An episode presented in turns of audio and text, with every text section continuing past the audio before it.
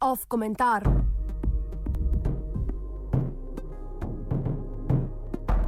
Svoboda izbire v liberalizmu.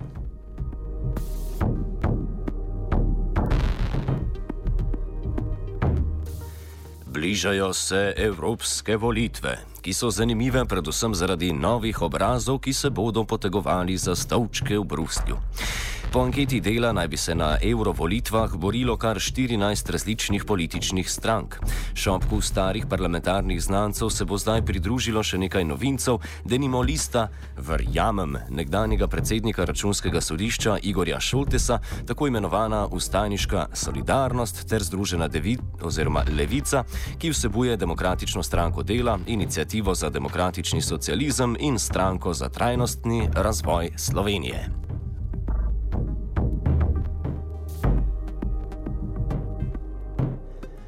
Seveda so evropske volitve zanimive predvsem kot pokazatelj tega, kdo bo mešal štrene na prihodnjih domačih parlamentarnih volitvah. Tam bi v boj lahko stopil še kakšen akter več. Govori se, da nimo o stranki pravnika Mira Cerarja. Novo stranko naj bi že ustanovila tudi direktor Rotisa Ivan Črnkovič in upokojeni brigadir Anton Krkovič. Podporo pa vtegne dobiti tudi nekdani šef Komisije za preprečevanje korupcije Goran Klemenčič.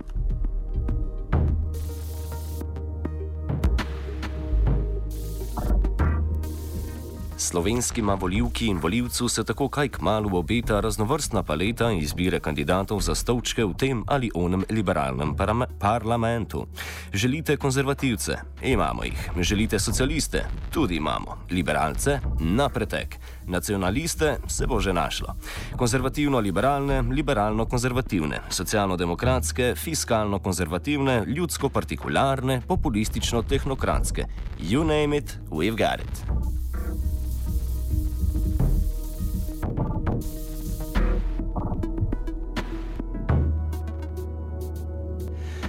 Čeprav je možnost raznovrstne izbire v ameriško dominiranem svetu praktično sinonim za svobodo, pa je realno vse prej kot to.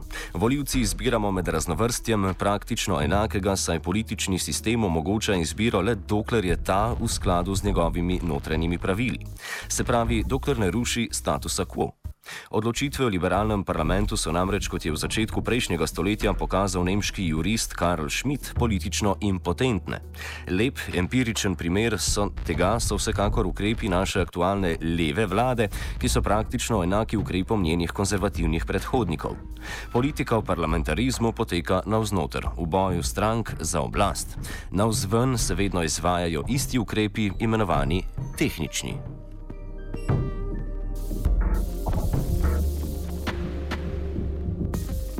V liberalnem okolju ni zaželeno, da posamezniki oblikujejo skupine s politično agendo, ki bi se borile za nek interes. Resnične politične odločitve so tako izjemno redke ali neobstoječe.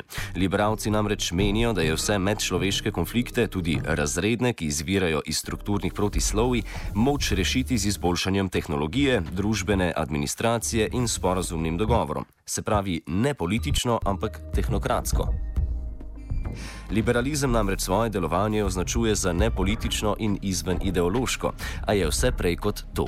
Ravno ti tehnični ukrepi imajo danes vedno večji vpliv na družbo, razgrajajo blaginjo in ostro razslojujejo prebivalstvo. Zaradi teh ukrepov imamo vedno več revežev, ogromne mase, brezposelnih in polnih, vedno manj izobraženih, daljšajo se nam delovniki in višajo cene osnovnih dobrin. Ti ukrepi so, pa naj jih imenuje, kakor jih kdor hoče, bistveno in primarno politični.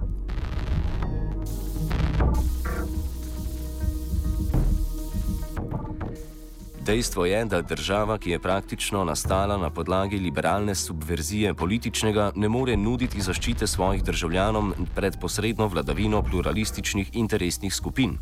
O čem govorimo? Predvsem o gospodarskih lobijih, korupcijskih mrežah, organiziranemu kriminalu ter strankarskim omrežjem moči.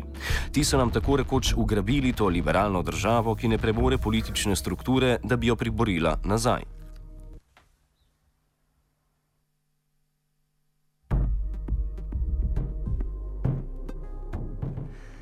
Skozi mantre objektivizma, neodvisnosti in strokovnosti, liberalizem v družbi ruši pogoje za politizacijo skupnosti.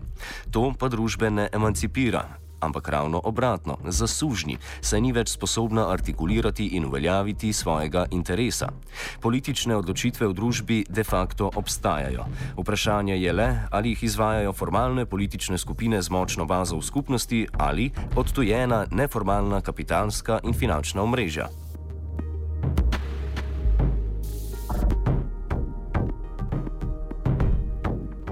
Ko ljudstvo kot politiko prepozna samo spolsko spiralo liberalizma, se jim vsakršno politično delovanje skozi etablirane strukture še bolj upre in na koncu nočejo več zastopati svojega interesa skozi demokratične institucije.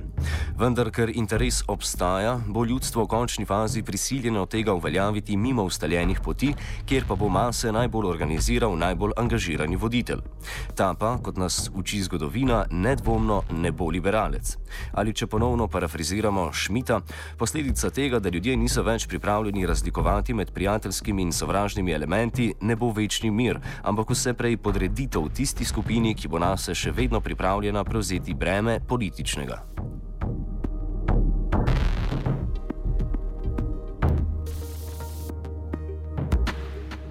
Pestra izbira na volitvah tako ne prinaša svobode, ampak vse prej sužnost. Na koncu se zdi izbira kandidatov podobna izbiri dezodoranta v supermarketu. Svobodni smo, da izberemo med desetinami takšnih in drugačnih, a v bistvu istih. Na koncu pa od te svobode kvečemo fašemo skizofrenijo.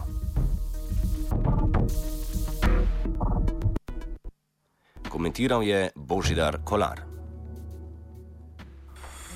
Oh.